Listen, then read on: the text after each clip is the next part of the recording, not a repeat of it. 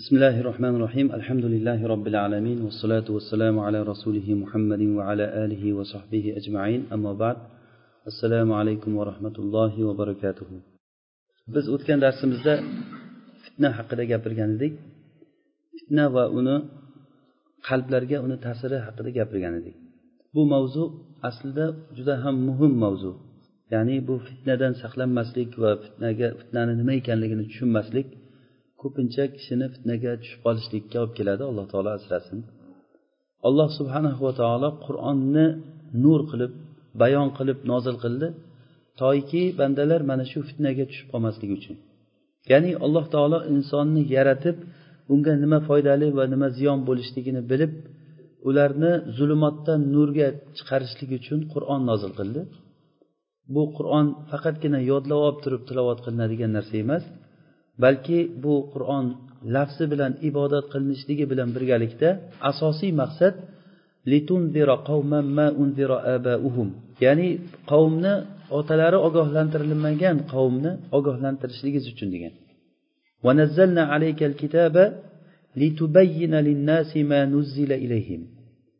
Rasululloh sollallohu alayhi vasallamga alloh taolo aytyaptiki biz sizga qur'onni kitobni nozil qildik. Siz odamlarga nozil qilgan qilingan narsani bayon qilib berishligingiz uchun. Ya'ni nur. Insonlarni zulumotdan nurga chiqarishlik uchun bu ma'noda oyatlar juda ham ko'p kelgan. Ya'ni qur'on nozil qilishligidan maqsad odamlarni hayotda to'g'ri yurishligi va dunyo va oxiratda saodatga erishishligidir. Biz o'tgan galgi darsimizda fitna haqida gapirib bunda huzayfat ibn yaman roziyallohu anhuni hadisini aytgan edik. Rasululloh sollallohu alayhi vasallam aytdilarki fitna xuddiki qalblarga bo'yraga qamishlari kelib qo'shilganday qalblarga fitnalar kelaveradi urilaveradi. Qaysiki qalb o'sha fitnani qabul qilsa unga bitta qora nuqta qo'yiladi. Qaysiki qalb uni inkor qilsa unga bitta oq nuqta qo'yiladi. Hattoki qalblar ikkita qalb bo'lib qoladi. Ya'ni butun insoniyatni qalbi ikkita qalbga aylanib qoladi. Biri qop qora xuddiki teskari qilib teskari qilib to'ntarilib qo'yilgan ko'zaga o'xshaydi.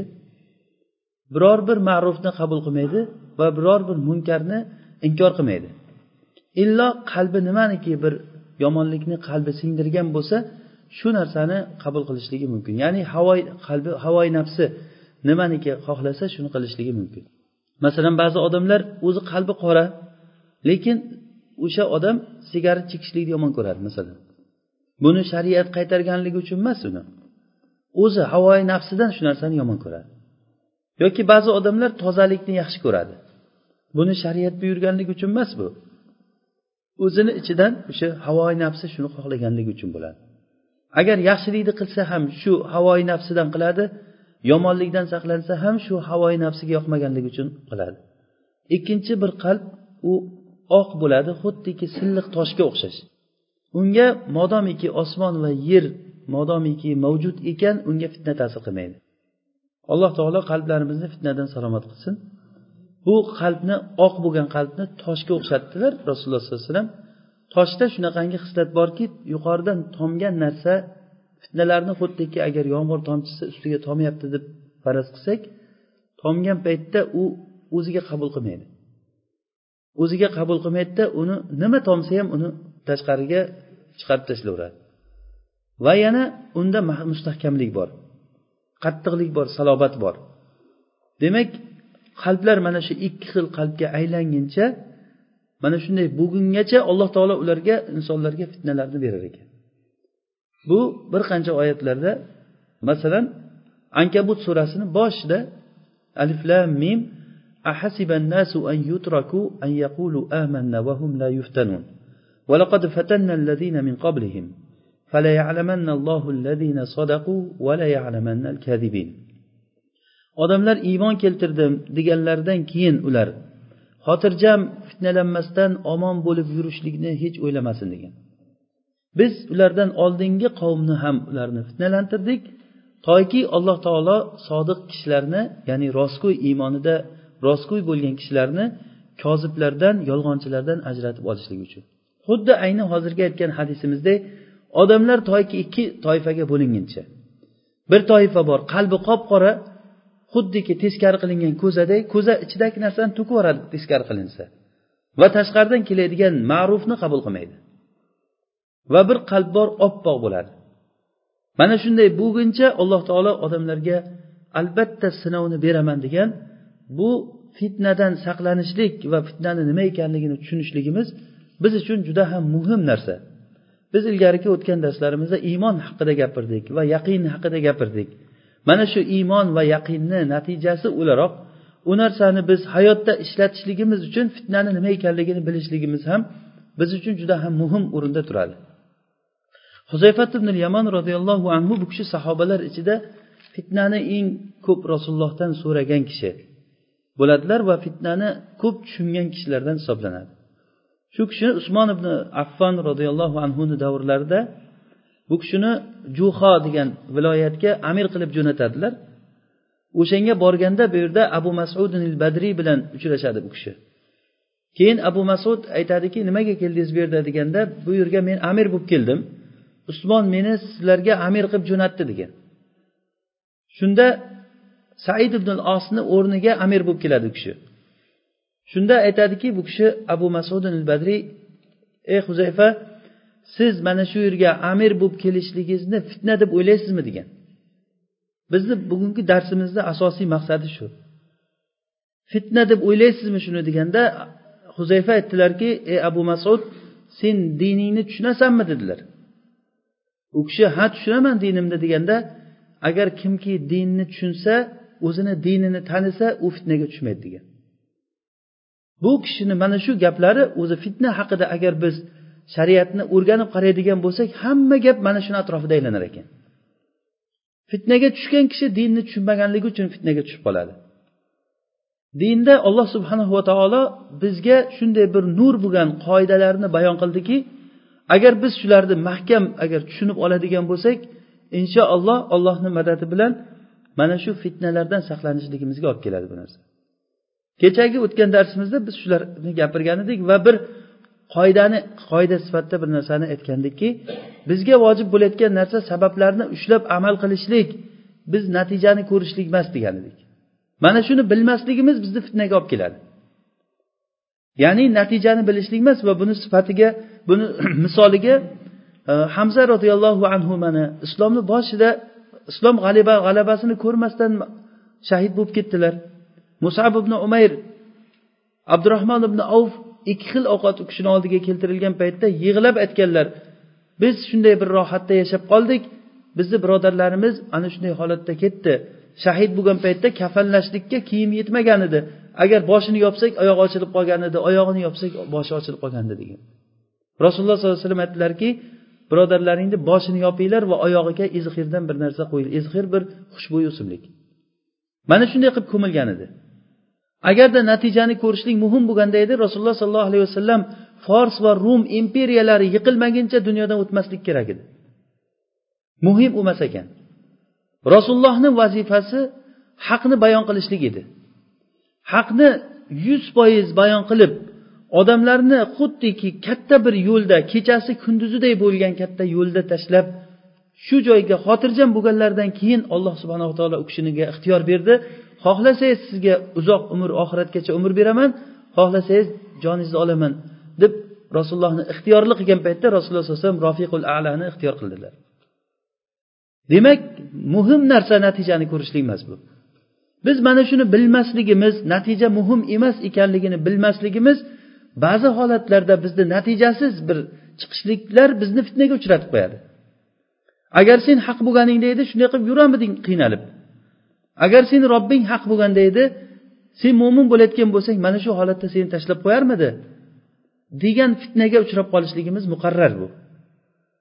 Makkada rasululloh sollallohu alayhi vasallam da'vat qilib chiqqan paytlarida rasulullohga asosan kambag'al odamlar ergashdi. Boylar ergashgandan keyin u boyligidan ham ajraldi. Shunchalik darajaga keldiki abu abu tolibni shebiga ya'ni abu tolibni bir dala hovlisi bo'lgan o'sha dala hovlisiga bularni iqtisodiy nima qilib turib uzish muqotaa qilib turib uzib chiqarib yuborgan qiz olib berishlik yo'q ular bilan savdo sotiq qilishlik yo'q tamomiy uzib tashlagan musulmonlarni. Mana shu holatda sahobalar o'tlarni daraxtlarni tomirlarini yeb yurgan. Shu holatini robbil alamin osmondan kuzatib ko'rib turgan. Lekin shu holatda ular mana shu holatiga alloh taolo rozi edi ularni demak muhim bizni qornimiz to'yib ustimizda yangi kiyimlarni kiyib yurishligimiz emas bu. Muhim haqda turishligimiz muhim. Shu narsani agar biz anglab yetmasak ko'pincha shayton mana shu tarafdan bizni zaif tarafimizdan keladi. Shayton insonga bo'lgan hujumi xuddiki bir dushmanni qal'aga bo'lgan hujumiga o'xshaydi. Doim qal'ani atrofida aylanib yuradi aylanib qayeri nozik joyi bo'lsa o'sha joyga hujumni boshlaydi. Insonni qalbida agar qur'on nuri bilan nurlanib mustahkam bir ilmga ega bo'lmasangiz g'oliban ko'pincha fitnaga uchrab qolasiz. Bugun emas ertaga ertaga emas keyin fitnaga uchrab qolasiz. Olloh asrasin bu narsadan. Ahnaf ibn al qays rahimaulloh aytadilar buni o'ylayman kecha darsimizda aytdik shekilli. Men madinada rasululloh sollallohu alayhi vasallam masjidida bir bordimda masjidda o'tirganimda masjidda ko'p halqalar bor ekan. Shu halqalardan biriga qo'shilib o'tirganimda bir kishi kelib turib qaysi bir halqani oldiga tikka bo'lsa o'sha halqadagilar turib yuz o'girib ketaverdi haligi kishidan degan. Hammasi shunday bo'laverdi. Oxiri men o'tirgan halqaga kelganda meni yonimdagilar hammasi turib ketdi bitta men qolib ketdim degan. Hayron bo'ldim kim ekan bu kishi deb sen kimsan desam men abu zarman rasulullohni sohibi abu zar bo'laman degan.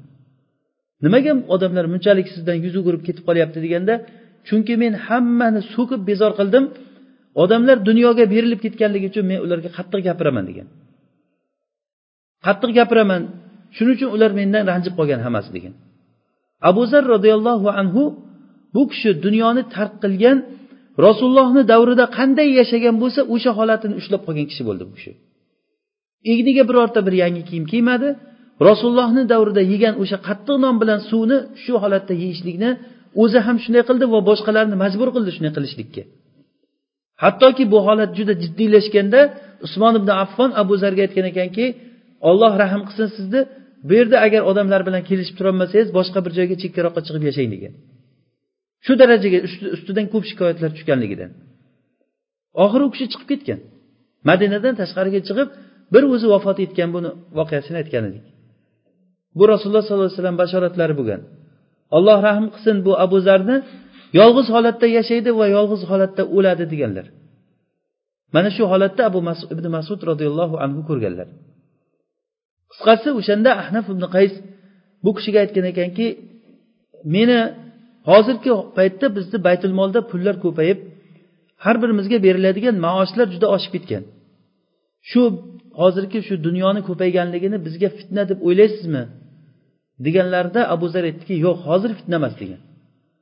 Lekin shu holat davom etsa borib borib borib sizlar bu narsalar sizlarga dinlaringni puli bo'lib qoladi degan. Ya'ni dinni sotib uni olinadigan narsa bo'lib qoladi. Odam o'sha molini asrash uchun dinini sotishlikkacha boradi. Bu narsa ha o'sha paytlar bo'lgan hozirgi kunda buni voqelikdan ko'ravering qanaqa bo'layotganligini. Dunyosini saqlab qolishlik uchun buni e, hasanul basriy rahimaulloh aytganlarki biz shu narsani ko'rdik degan. Hasanul basriyni davrida bu. Ikki dirham bilan bozorga kiradi ikki dirham bilan bozorga chiqadi. Pul dinini puli bo'ladi mana shu narsa degan. Ya'ni dinini puli degani dinini sotib o'rniga ikki dirham olib keladi degan. O'zimizda haligi maqol bor pul ota bolani ajratadi degan. Pul ota bolani ajratadi degan bir avomlarni maqoli bu. Ya'ni bu voqelikdan kelib chiqqan narsa. To'g'ri gap o'zi. Biz voqelikka to'g'ri tushayotgan gapniki lekin bundan iymonli odamlar mustasno bo'lishi kerak. Bu nima degan gap? Pul ota bolani o'rtasini ajratadigan bo'lsa. Muhim biz voqega rasululloh sollallohu alayhi vasallamni ko'zlari bilan qarashlik degan edik. O'tgan darsda buni gapirgan edik. Rasululloh sollallohu alayhi vasallam qanday ko'rgan bo'lsalar mana shu holat bilan qarashligimiz bizni fitnadan saqlanishlikka olib keladi degan edik. Alloh subhanahu va taolo bu koinot koinotda alloh taoloni shunday bir qonunlari borki u o'zgarmaydi. Buni aqlli odamlar hamma tan oladi. Masalan quyosh mashriqdan chiqadi mag'ribga botadi. Yomg'ir yog'ishligi uchun havoga bulut bo'lishi kerak. Mana shunga o'xshagan qoidalar bular. Bu qonunga hech kim teskari chiqolmaydi. Masalan sizni uyingiz quyoshga qarab turgan bo'lsa har kuni quyosh chiqib sizni uyingizga oftob tegib quyosh tegib sizni beozor qilayotgan bo'lsa hech bir aqlli odam aytmaydiki quyoshni burib qo'y demaydi hech kim. Chunki bu inson qudratidagi narsa emas bu. Juda bo'lmasa uyingni teskari qilib qo'y quyoshga deb aytadi. Ollohni qonuniga moslashmay ilojimiz yo'q demoqchiman men. Xuddi shuningdek insonlar hayotida alloh taoloni qonuni bor. Mana bu qonunga teskari chiqsa uni bir yomon natijalari chiqadi. Bu qonun bilan yursa u o'zini samarasini beradi. Biz ilm o'rganishlik yo'lida mana shu qonun qoidalarni o'rganishligimiz bizga muhim narsa hisoblanadi. Mana shu qonun qoidalardan biri bu alloh subhanahu va taoloni qonuni bu narsani qur'onda sunnatulloh deb ismlagan. Sunnatulloh. Ya'ni ollohni qonuni degani bu o'zgarmaydi. Hech qachon quyosh buyog'idan kirib buyog'idan chiqmaydi. O'zini yo'lida yuradi. Oy o'zini yo'lida yuradi. Ashamsu val qamar ya'ni yasjudan ya'ni quyosh bilan oy sajda qiladi. Ya'ni bu degani olloh subhanava taoloni buyurgan buyrug'iga qarab yuradi. Ya'ni quyoshni ham o'zini yo'li bor oyni ham yo'li bor yerni ham yo'li bor. Buni hammamiz yaxshi bilamiz. Ana shularni inson hayotidagi xuddi shunga o'xshagan alloh taoloni qonuni bor. Masalan farzand ko'payib ko'payishligi o'zini bir qonuni bor buni. Uylanish kerak ayol bilan erkak qo'shilishi kerak. Va hokazo uni sharoitlari bo'lishi kerak. Dehqonchilik qilaman desangiz uni qonuni bor. Hech kim qishda borib urug'ni yerga sochmaydi. Agar sochayotgan bo'lsa uni hamma ahmoqlik bilan ayblaydi. Bu qonun bilan siz birma bir yonma yon yurmay ilojingiz yo'q. Xuddi shuningdek alloh subhanava taoloni sunnati bir qonunlari borki u bilan birga bir yurmasa agar inson o'sha qonun bilan birga yurmasa hayoti tekis ketmaydi. Yomon bir natijalarga olib keladi. Ya'ni aytmoqchimizki fitnaga uchraydi bu odam. Mana shu qonunlardan biri alloh taoloni sunnati shuni xohladiki haq bilan botilni bu hayotda urushib o'tishligini xohladi alloh taolo. Bu xotirjam bo'lingki hech qachon botil bilan haq kelishib opoq chapoq bo'lib turib hayotda yashab ketolmaysiz ekan. Bizni hammamizni xohishimiz nima kerak? Janjal to'palang nima kerak? Hammamiz bir yaxshi bo'lib yashashligimiz kerak. Vasotiya degan tushunchalar chiqdi. Vasotiya degani shu nima bo'lsa ham yomonlik qilganga yaxshilik qil e, yomonlik qilma nima bo'lsa ham tinchlik bo'lsin. Bu to'g'ri gaplar.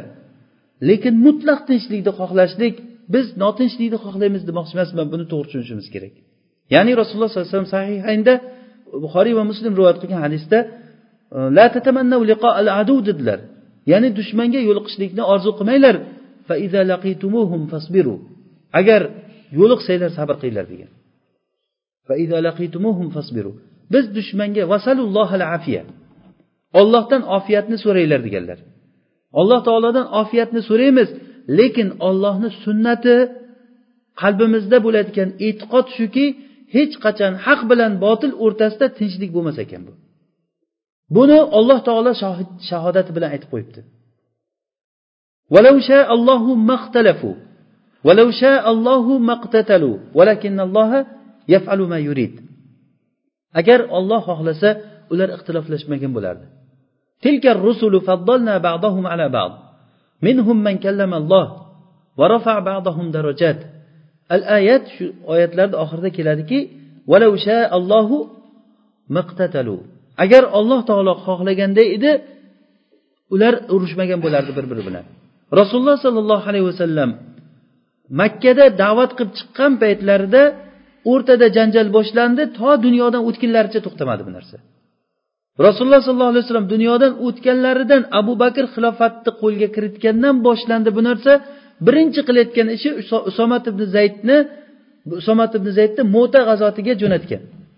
O'sha mo'ta g'azoti bo'lgan joyga otasi shahid bo'lgan zayd ibn horisa shahid bo'lgan tomonga qarab zayd usomat ibn zaydni jo'natgan. Birinchi qilayotgan ishi. Undan keyin murtadlar bilan urush boshlandi. Undan keyin sharq tomonda biz tomon mavaron nahr va ozarbayjon bu taraflarga bo'ladigan urushlar ikki yuz yildan ziyod vaqt davom etdi. Bu sharq tomondagi mag'rib tomonda andalus mag'rib mana bu tomonlarda ming yildan ziyod urush to'xtamadi. Hattoki ba'zi mag'ribliklar ya'ni ming yilki urush deb ismlagan uni. Urushni ismi ming yilki urush degan.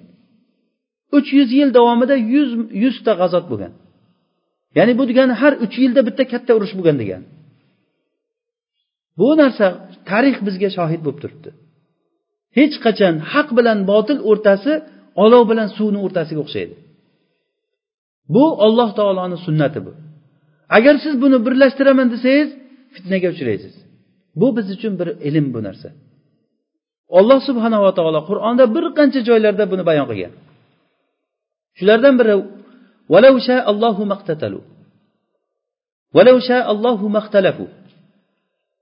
olloh xohlaganda ular ixtiloflashmagan bo'lardi.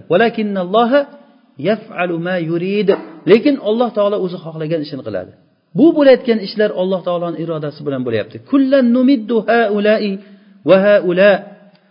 Biz ho anavilarga ham madad beramiz.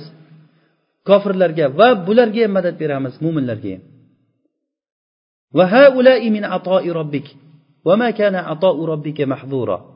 Bular olloh subhanava taoloni berishligidan ollohni berishligi bu mamnu qilingan emas. Ham mo'min bo'lsin ham kofir bo'lsin bu dunyoda alloh taolo berar ekan.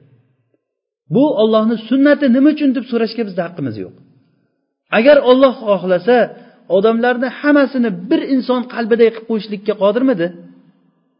Qilolamidi hammani rasulullohdek qilib qo'yishligiga qodirmidi? Lekin olloh buni xohlamadi. Ollohni xohishi shunday xohladiki abu tolibni abu lahabni kofir bo'lib o'lishligini xohladi. Rasulullohni amakisi.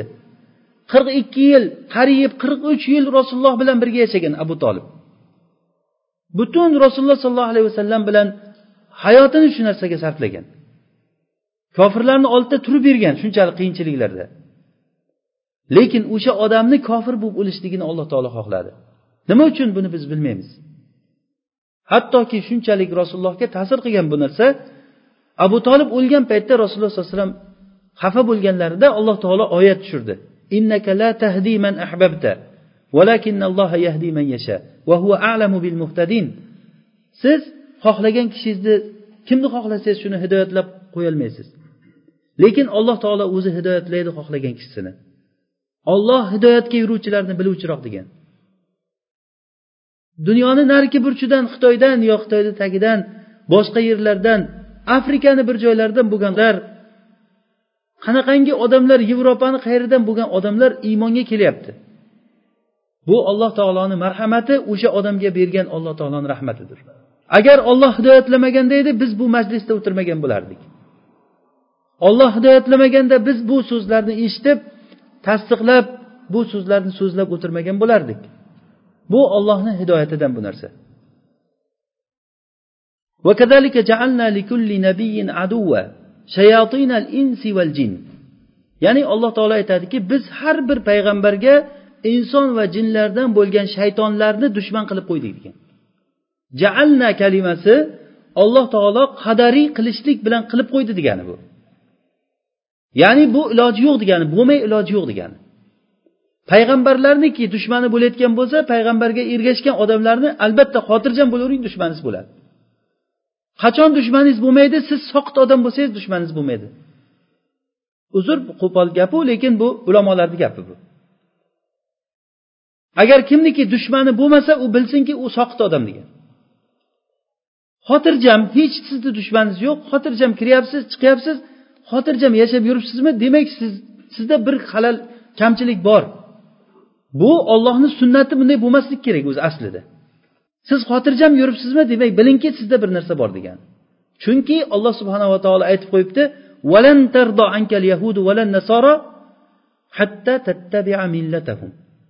yahudu nasorolar ularni millatiga ergashmagunizcha rozi bo'lmaydi degan. Lan tardo deb lom nun degani lan degani hech hech degani. Ollohni shahodati bu. Qachon ular biz biz hozir bir qiziq bir hayotda yashayapmizki ilmni davo qilgan kishilar katta katta mo'tamarlarda majlislarda o'tirib turib o'rtani isloh qilishlikka chaqiradi. Vaholanki alloh subhanava taolo nima deb qo'yibdi? Valantardo deb qo'yibdi. To'g'ri ular rozi bo'ladi lekin qachon o'sha sharti topilsa?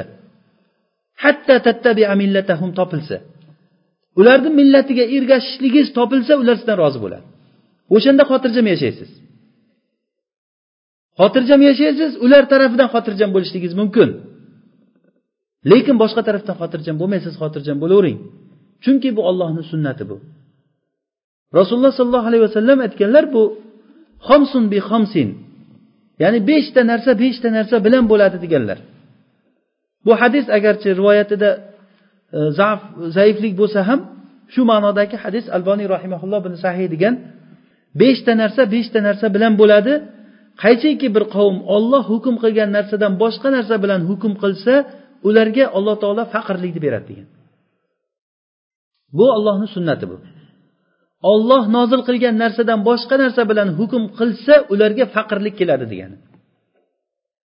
Bu faqirlik tushunchasini ozroq biz gapirishimiz kerak. Nima ekanligini. Faqirlik degani pulni yo'qligi degani emas bu. Ba'zan pulingiz bo'lmay turib boy bo'lib yashashligingiz mumkinmi mumkin emasmi? Pul yo'q lekin sizni ehtiyojingiz yo'q hech narsaga. Yeydigan bir tug'il noningiz bo'lsa ichadigan suvingiz bo'lsa boshqa narsaga ehtiyojingiz yo'q xotirjam ibodat qilib yotishligingiz mumkinmi mumkin emasmi? Demak siz faqir emassiz degani. Bu faqirlik degani puli ko'p bo'lsa ham u ehtiyoji hech kamaymaydi tugamaydi degani. Siz ko'ravering endi hayotdagi bo'layotgan narsani. Ollohni hukmi bilan yurmagan kishilarni hayotini ko'ravering. Faqirligi shu darajagacha chiqdiki farzandni ko'paytirsa ochdan o'laman degan tushuncha xayolida o'tirib qoldi. Katta katta o'sha rivojlanishlikni davo qilgan davlatlarda bitta ikkitadan ko'p farzand bo'lib ketsa bu qanday boqasan degan tushuncha birinchi o'rindagi savolga aylanib qoldi. Bu faxrlik emasmi bu? Hattoki yeydigan ovqatini farzandidan qizg'onadigan darajagacha borib qoldi. Shu meni yeydigan ovqatimga taomimga sherik bo'lmasin deb turib uni tamomiy yo'lini qirqib tashladi qaysi hatto bu narsa musulmon davlatlarga yetib keldi. Qaysi bir odam bilan uchrashsangiz agar bir kishini yettita sakkizta farzandim bor desa ya deydi birdan. Qanday boqasan bularni? deydi birdan. Ana buni ko'rsangizki bu narsa o'sha faqirlik shu darajagacha olib kelgan odamlarni. Hattoki o'zini eng yaxshi ko'rgan jigari bo'lgan farzandini o'sha boqishlik shuni yeydigan masalasi odamlar uchun birinchi o'ringa chiqib qolgan masalaga aylanib qoldi. Bu ollohni sunnati bu narsa. Biz mana shu sunnatni bilmasak fitnaga uchraymizmi yo'qmi? Shu tomondan zaifligimiz keladi bizga. Qaysi bir tomondan bizni qo'rg'onimiz agar zaif bo'lsa o'sha tomondan bizga zaif nima shaytonni hujumi o'sha tomondan bizga dushmanni hujumi keladi. Mana uhud jangida rasululloh sollallohu alayhi vasallam ellikta kamonchini bir tepalikka qo'yib qo'ydilar. Biz g'olib bo'lsak ham mag'lub bo'lsak ham shu yerda turinglar dedilar. Agar bizni dushmanlar kelib o'ldirayotganligini ko'rsanglar tushmanglar dedilar. Qushlar kelib bizni cho'qib ketayotganligini ko'rsanglar tushmanglar joylaringdan dedilar. Yana nima deb aytish kerak ularga? Bundan tashqari nima deyish kerak yana? Hamma gap aytildi. G'olib bo'lsak ham mag'lub bo'lsak ham tushmanglar deyildi.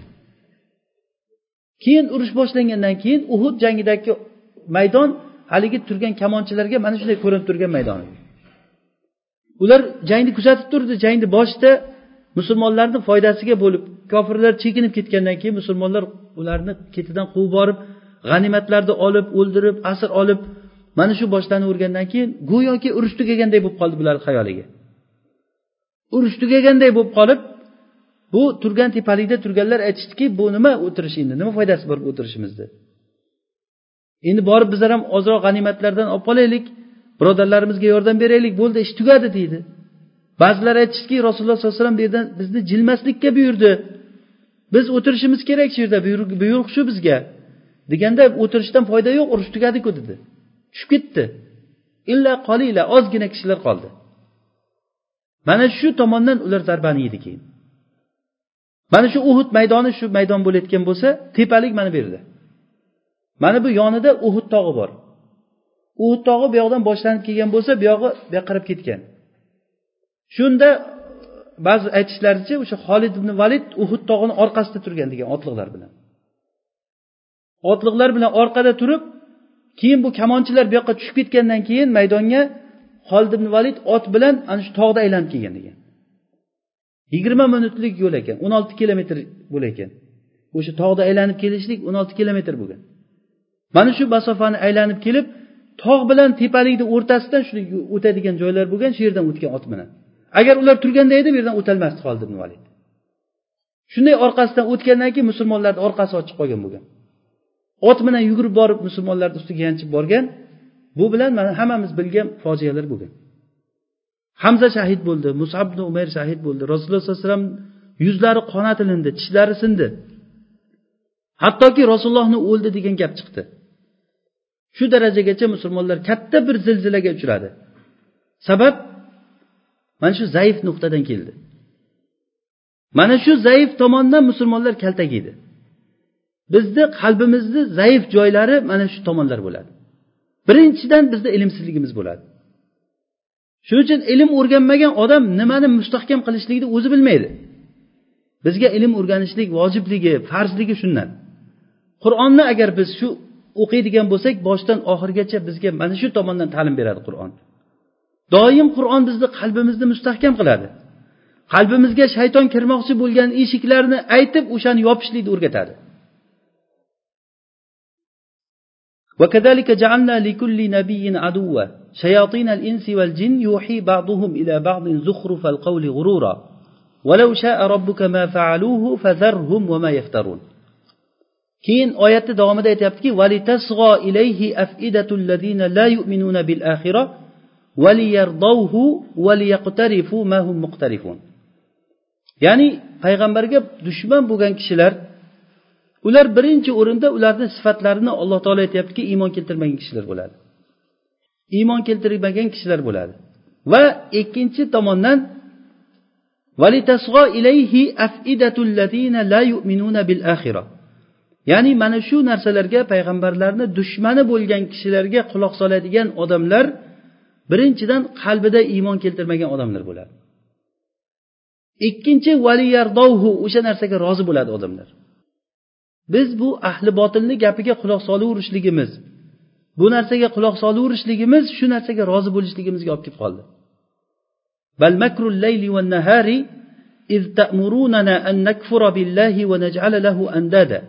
Ya'ni ertayu kech bo'lgan makr alloh taologa kofir bo'lishlik va allohga har xil sheriklarni qilishlikka bo'lgan makrlar odamlarni oxiri o'sha bilan rozi bo'lishlikka olib kelib qoldi.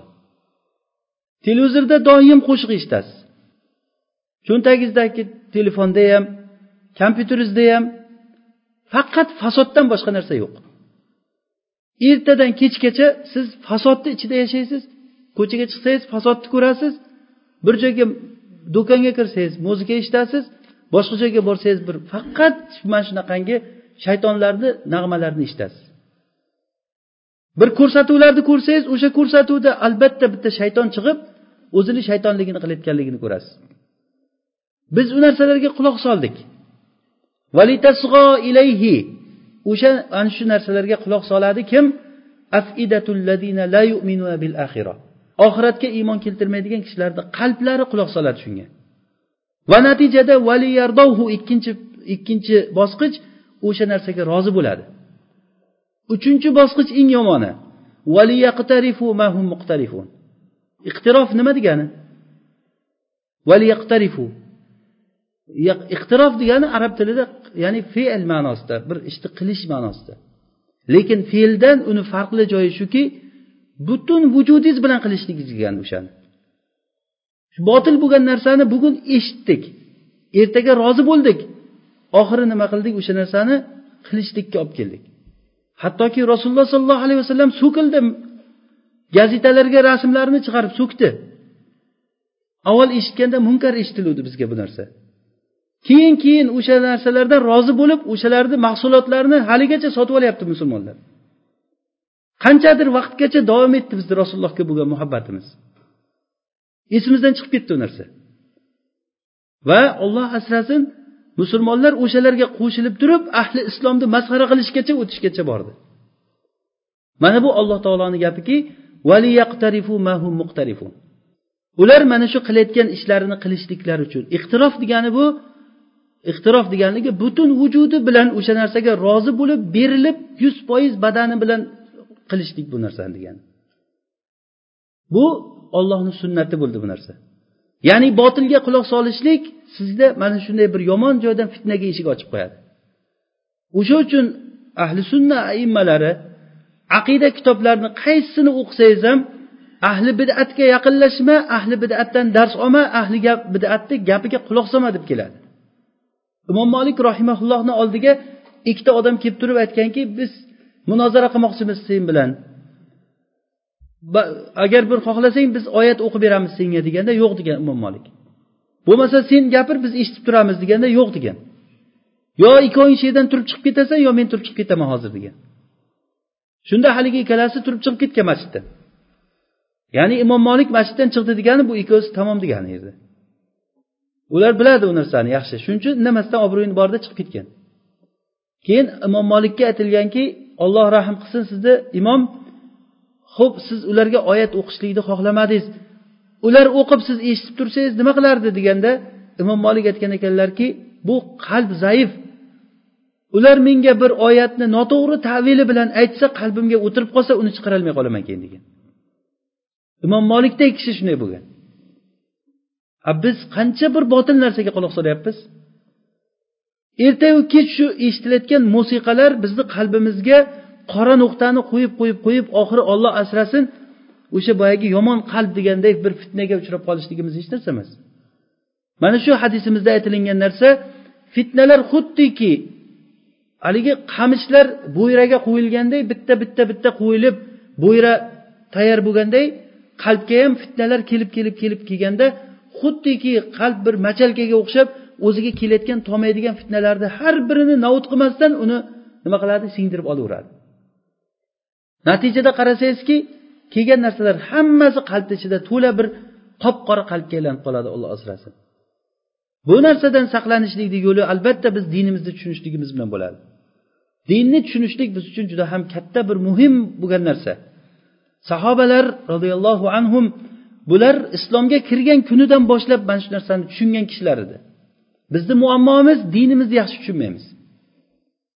Bayatul aqabada bayatul aqabani bilamiz. Ya'ni bayatul aqaba madinadan madinadan ansorlar madinadan makkaga hajga kelgan paytda rasululloh sollallohu alayhi vasallamga bayat qilishgan. Ya'ni ikkinchi bayat deyilgan ikkinchi bayatul aqaba saniya deyiladi. Aqaba deyilganligi shaytonga tosh otadigan jamratul aqaba degan joy bor. Ana o'sha joyda bayat qilishgan. Kechasini oxirgi uchdan birida rasululloh sollallohu alayhi vasallam va'dalashganlar o'sha joyga kelinglar degan ansorlardan yetmish besh kishi yetmish uchta erkak ikkita xotin kishi ayol kishi kelgan. Ular iymonli bo'lgan kishilar lekin iymonlarini yashirgan bo'lgan. Ularni boshlig'i abdulloh ibn ubay ibn salul hajga boshliq bo'lib kelgan bo'lgan o'shanda.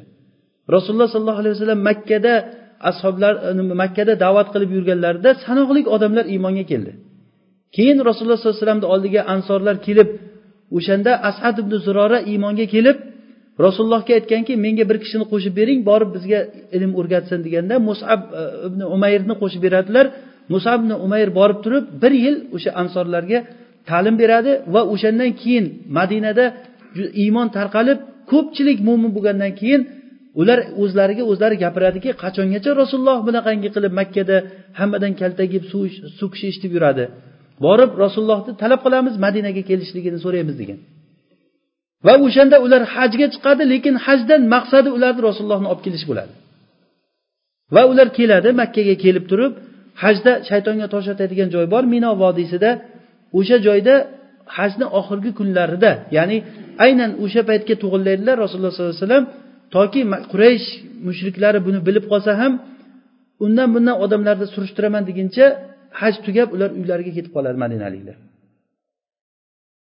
Shunda rasululloh sallallohu alayhi vasallam ular bilan kelishadi. Kechqurun kechani oxirgi uchdan birida o'sha aqaba jamrotul aqaba ya'ni shaytonga tosh otiladigan aqabada shu yerda kelishamiz deydi. Ko'rishamiz deydilar va rasululloh sollallohu alayhi vasallam ali ibn abi tolib bilan abu bakr siddiq va amakisi abbos bilan birga boradilar.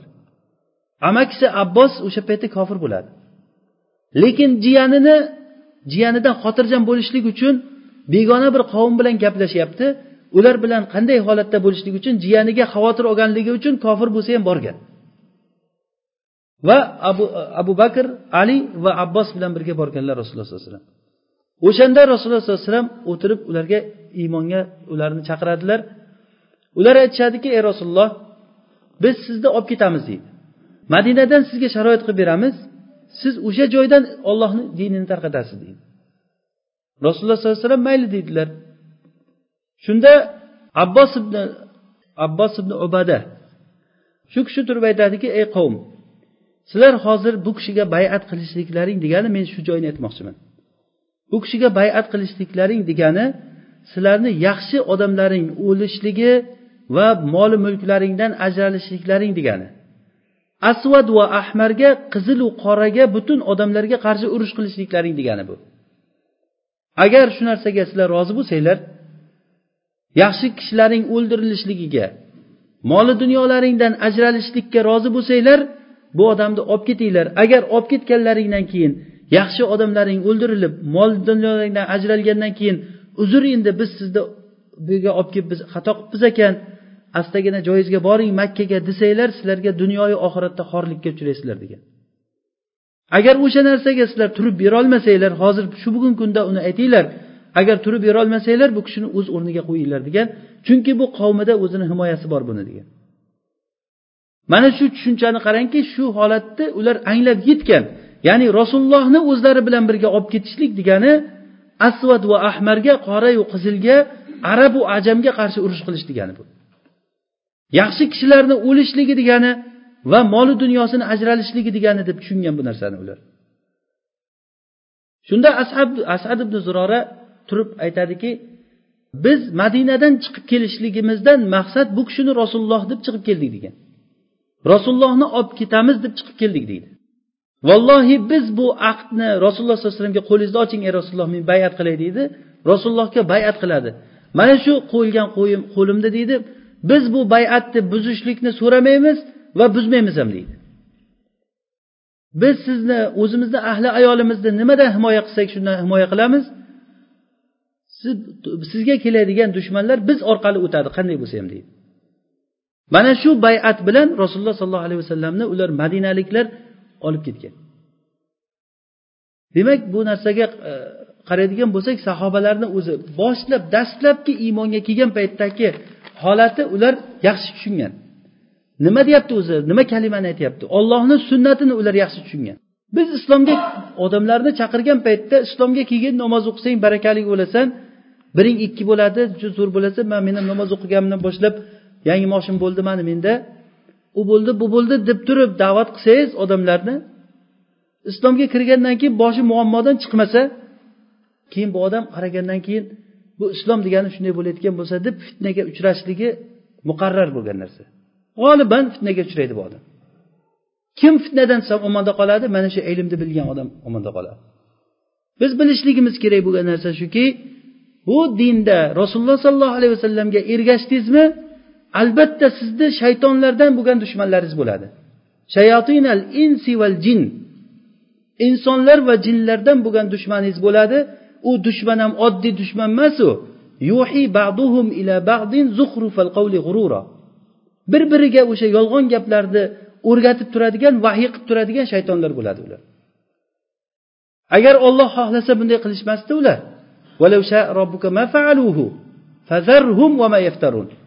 Qo'ying ular qilayotgan ishini qilaversin deyapti. E'tibor bermang ularga. Ya'ni bu shaytonu jinlarga e'tibor bermang. Insonlardan bo'lgan shaytonlarga jinlardan bo'lgan shaytonlarga e'tibor bermang. Ularni ishi shu ularni o'zi. Biz mana shu narsani yaxshi tushunib anglamasak agar bu, bu ilmni biz agar anglamasak aksar holatda fitnaga uchrab qolishligimiz mumkin. Bu bayatul aqabada mana shu holatda sahobalardan haysam ibn tayhan degan kishi bu kishi ansorlarni eng yoshi kichigi bo'lgan. Shu kishi aytgan ekanki ey rasululloh biz sizga bayat qilyapmiz. Ertaga agar alloh subhanahu va taolo sizga nusrat berib diningizni g'olib qilsa siz makkaga yana qaytib kelasizmi yo biz bilan qolasizmi? deb so'ragan ekan. Bu sahobini fahmini qarang sahobiyni fahmini. Shunda rasululloh sollallohu alayhi vasallam kulib aytgan ekanlarki balki addamu dam val hadmul hadm degan ekanlar. Ya'ni qonga qon jonga jon degandek. Men sizlar bilan birga bo'laman deganlar. Mana shu va'da bilan ansorlar rasululloh sollallohu alayhi vasallamni o'zlari bilan birga shu shu baxtga ular muyassar bo'ldi. Bu ollohni fazli bu. Agar ollohni fazlini siz olmasangiz uni boshqa odamlar oladi uni. Uni o'zi ollohni ne'matini alloh taolo o'zini risolatini qayerga qo'yishlikni yaxshi biladi. Vallohu alamu haytu yaj'alu risalata alloh taolo o'zini risolatini qayerga qo'yishlikni o'zi yaxshi biladi. Shuning uchun siz o'zingizni agar shu iymonda taqvoda ollohni dinini oliy qilishlikka bo'lgan harakatda siz qanday qilib men iymonimni salomat qilaman degan yo'lda topsangiz alloh taologa hamd ayting. Bu ollohni tavfiqidan bo'lyapti bu narsa. Yana biz muhim bir bilishimiz kerak bo'lgan narsalardan biri alloh subhanava taoloni so'ziki vakana haqqon alayna nasrul mu'minin. Mo'minlarga yordam berishlik bizga haqli bo'ldi degan alloh taoloni va'dasi. Agar biz shu narsani bilmaydigan bo'lsak bunda ham fitnaga uchraymiz. Buni bilmagan kishi albatta qo'rqoqlikka o'tadi. Qo'rqoq bo'lgandan keyin qo'rqoq kishi dinida fitnaga uchraydi. Qo'rqoqligi sababli ko'p narsalarni boy beradi. Odam qattiq qo'rqishligi sababdan menga bir bir voqea juda ta'sir qilgan edi. Bir misrda o'qib yurgan bolalar gapirib bergan qirg'iz bolalar ekan. O'shalar ta'tilga qirg'izistonni bir qishlog'iga bordik deydi tog'da bir qishlog'iga. To'y bo'lgan edi o'sha to'yda birga o'tirdik bolalar bilan deydi. O'shanda bir chol kishi misr shevasida bizga gapirib qoldi qirg'iz chol kishi deydi. Biz hayron qoldik tiniq gapiryapti arabchalab deydi. Yana ham bo'lib ham misr shevasida gapiryapti deydi. Bizni azharda o'qishligimizni bilgandan keyin u kishi biz bilan gaplashib qoldi deydi. Biz hayron qoldik qanday bu kishi bunday gapiryapti deb. Keyin tarixini so'rasak u kishi o'sha ssr tuzumida e oltmish nechinchi yillar paytida misrga ketib qolgan ekan. Misrga borib turib u yerda bir necha yil yurib qur'on yodlab keyin oldin o'sha qur'onni yodlamasa azharga olmagan. Azharga kirgan ekan. Iskandariyada muntazahlarda yashagan ekan borib. O'sha yerda yurib azharni bitgan ekan bu kishi. Azharni o'qib kelgandan keyin keyin u kishi bir e, ma'lum bo'lgan qayerga borib kelganligida shunda bir qattiq bir siquvga olingandan keyin shu holatda u kishi tamom e, o'qishiyu boshqasini shunday tark qilgan haligi chol yig'lab yuboryapti deydi gapirib men umrimni zoyi qilib qo'ydim deydi. Hech bir ish qilmadim deydi. O'qigan hech bir ish qilmagan. Mana bu narsa o'sha bu narsa alloh taoloni vakana haqqan alayna nasrul mu'minin oyatiga agar biz sidqi dilimiz bilan qalbimiz bilan ishonsak inshaalloh bu fitnaga uchramaymiz. Bu narsa bu fitna yomon fitna bu. Qo'rquv degan fitna hattoki alloh taolo qur'onda qo'rquvni aytadiki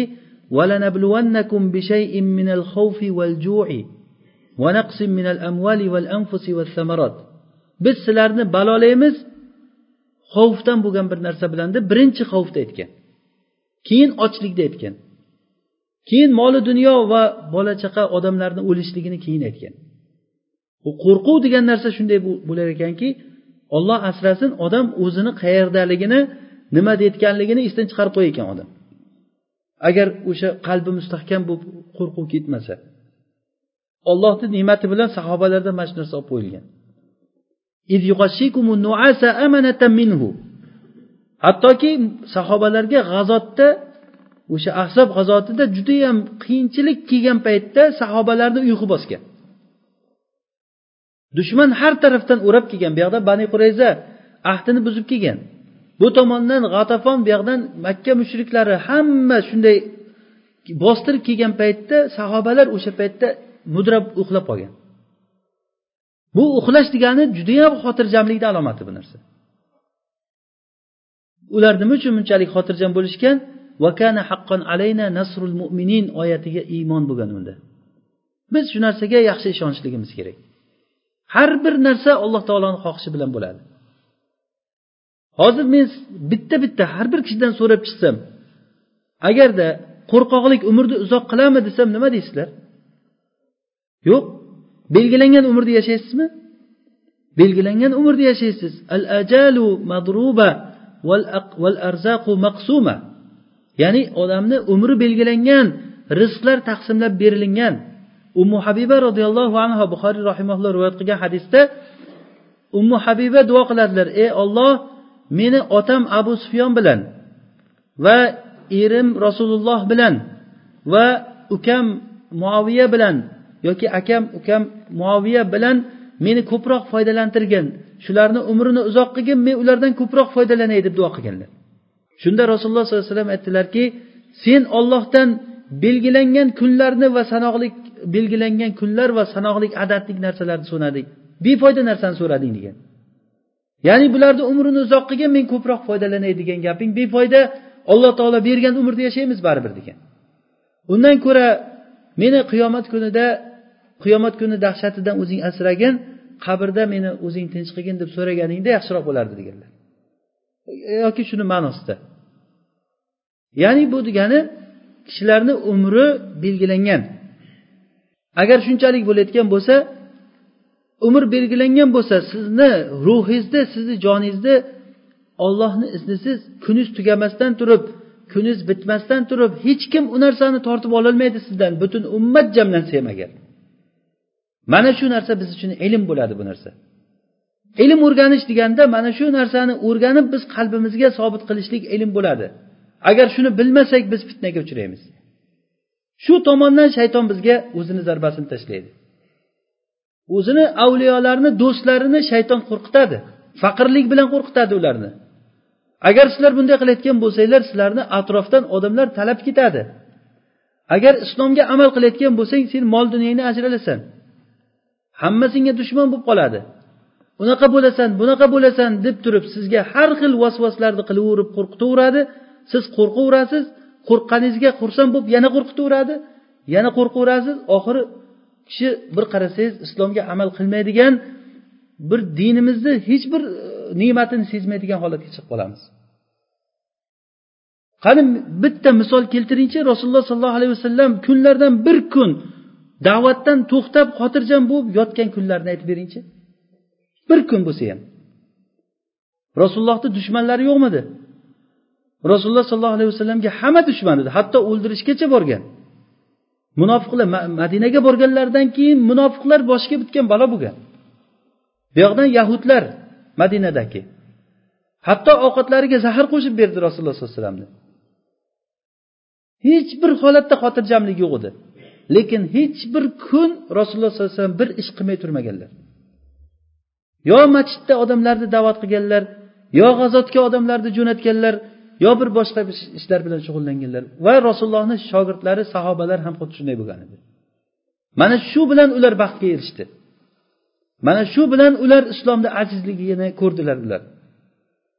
Biz noto'g'ri bir mezonni o'zimizga qo'yganmiz. Bu mezonimiz shuki xotirjam xotirjam yurib shu dushmanlarimizni dushmanlar bir biri bilan yeyishsada o'rtadan o'zimiz solimin va g'olimin bo'lib chiqib ketsak deb xohlaymiz. Ya'ni bu dushmanga yo'liqishlikni orzu qilish maqsadida aytayotganmi yo'q men bu narsani?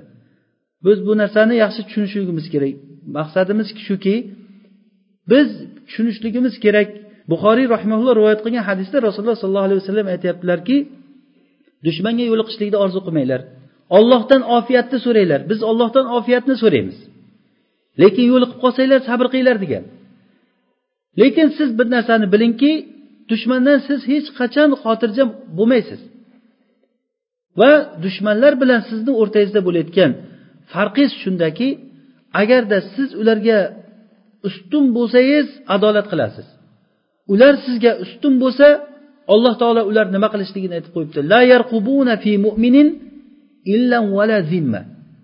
Ular mo'min kishida na bir qarobatni na bir ahdi vafoni biladi. Bu kofirlarni odati shu. Har qancha salohiyatni ular davo qilsin har qancha yaxshilikni mehribonlikni ular mo'minlarga yaxshilikni izhor qilsin lekin alloh taolo bizga xabar qilib qo'yib berib qo'yibdi xohlang ularni so'ziga ishoning xohlang ollohni gapiga ishoning. U qur'onda ular haqida aytib qo'yibdi. La yarqubuna fi mu'minin illan vala zimma. Ular mo'min kishida na bir qarobat illan ay qarobatan degani na bir qarobat qarindosh ekan mana u. Mana u o'zimizni bir odam ekan bu degan gapni biladi. Na bir shunga biz va'damiz bor edi kelishgan edik biz bunga teginmaymiz deb. O'rtamizda bir sulhimiz bor edi degan gapni biladi ular. Mo'min bilan dushmanlarni o'rtasidagi farq shunda. Agar unday bo'lmasgan bo'lsa bu maydon ochiq. Agar qurol bilan bo'lmasa kalom bilan bo'lgan. Rasulullohni davr da'vat qilib chiqqan kunidan boshlab hozirgi kungacha siz tarixga ortga qarang. Hech qachon bu narsa bir xotirjamlik bilan bo'lmagan. Xotirjamlikni o'yladingizmi? Albatta sizda diningizda bir narsa bor. Agar siz xotirjammisiz bilingki sizni diningizda bir narsa bor. Chunki alloh taolo aytib qo'yibdi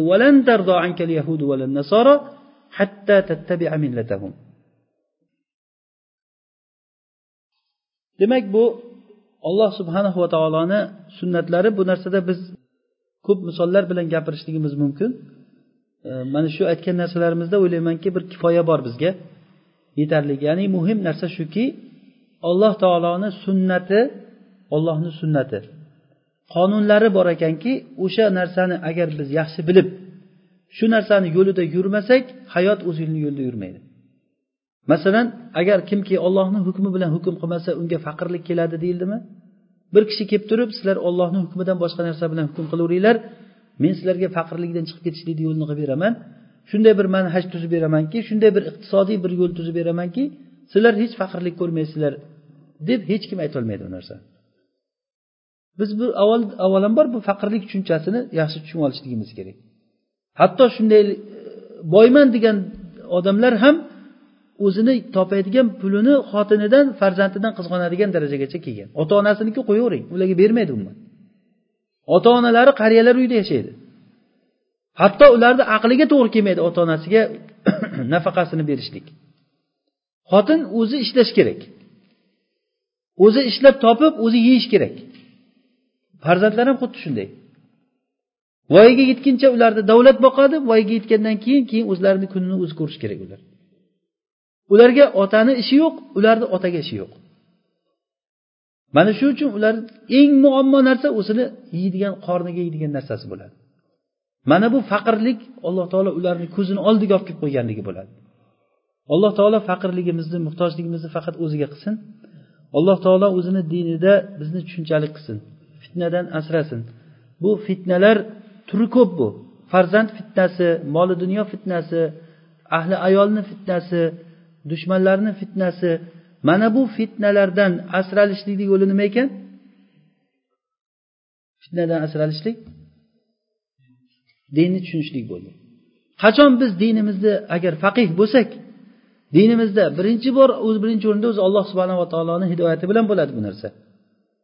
Keyin ollohni hidoyatini so'rab bizni qilishimiz kerak bo'lgan narsa ollohni dinida fahmli bo'lishligimiz bo'ladi. Bu uchun biz qur'onni yaxshi tushunishligimiz kerak. Qur'on mana shu uchun shifo bo'lgan narsa. Bizni qalbimizni mustahkam bir o'ringa keltirayotgan narsa. Eng katta dard hozir aytganimiz masalan qo'rqoqlik bo'layotgan bo'lsa shu qo'rqoqlikni davolayotgan narsa qur'on bo'ladi. Aynan munofiqlar bizni shu tomondan qo'rqitadi. alloh taolo qur'onda aytgan qarang ya ayyuhallazina amanu la takunu kallazina kafaru وقالوا لإخوانهم إذا ضربوا في الأرض أو كانوا غزا لو كانوا عندنا ما ماتوا وما قتلوا ليجعل الله ذلك حسرة في قلوبهم والله يحيي ويميت ey iymon keltirgan bandalar sizlar kofirlarga o'xshamanglar degan kofirlarki kimlar ular o'zlarini do'stlariga aytadiki mo'minlarga nima agar rasululloh bilan birga g'azotga chiqib ketib o'lsa yoki o'ldirilsa o'sha yerga borib bular aytadiki mana biz bilan birga o'tirganda o'lmasdi ham o'ldirilmasdi ham. Chiqma chiqma deb necha marta aytdik chiqib ketdi. Birga o'tirganda edi o'lmasdi o'ldirilmasdi. Alloh taolo shuni davosini aytyaptiki davosini vallohu yuhyi va yumid olloh o'ldiradi olloh tiriltiradi degan. Mana bu shifo bu qur'on ko'ryapsizmi? Buni siz tadabbur bilan o'qing buni. yoki qur'onda bir uzun bir hikoya bor. Alam tara ilalladina kharaju min diyarihim wa hum ulufun hazaral maut faqala lahumullohu mutu thumma ahyahum. Bir qavmga bani isroildan bir qavm ular o'limdan qochib yurtidan qochib chiqqan. Ya'ni alloh taolo dushmanga qarshi turib beringlar desa yo'q biz turolmaymiz deb turib vahum uluf deyapti. Bitta ikkita emas minglab bo'lgan odamlar qochib chiqqan. O'lmaylik deb qochib chiqqan. Shunda alloh taolo mutu degan hammasi o'lgan. Keyin tiriltirib oldi ularni. Bildirishlik uchunki bildirishlik o'lish tirilishlik hayot bo'lishlik bu qochib chiqishlik yo qochmay o'tirishlikda emas bu narsa. Olamni odamlar minglab sonli odamlar ular. Vahum uluf ya'ni mingmas bir necha ming odam bo'lgan.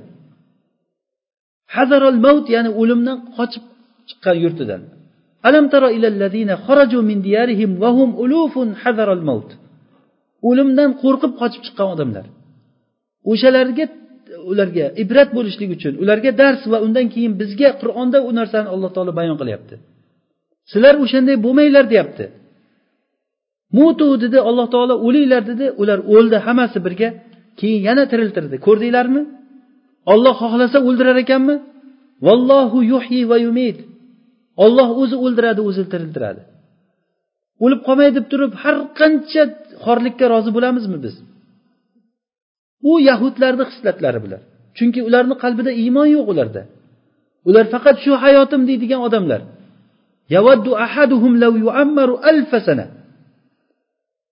Ya'ni ularni bittasi qo'yib bersangiz ming yil yashashlikni xohlaydi.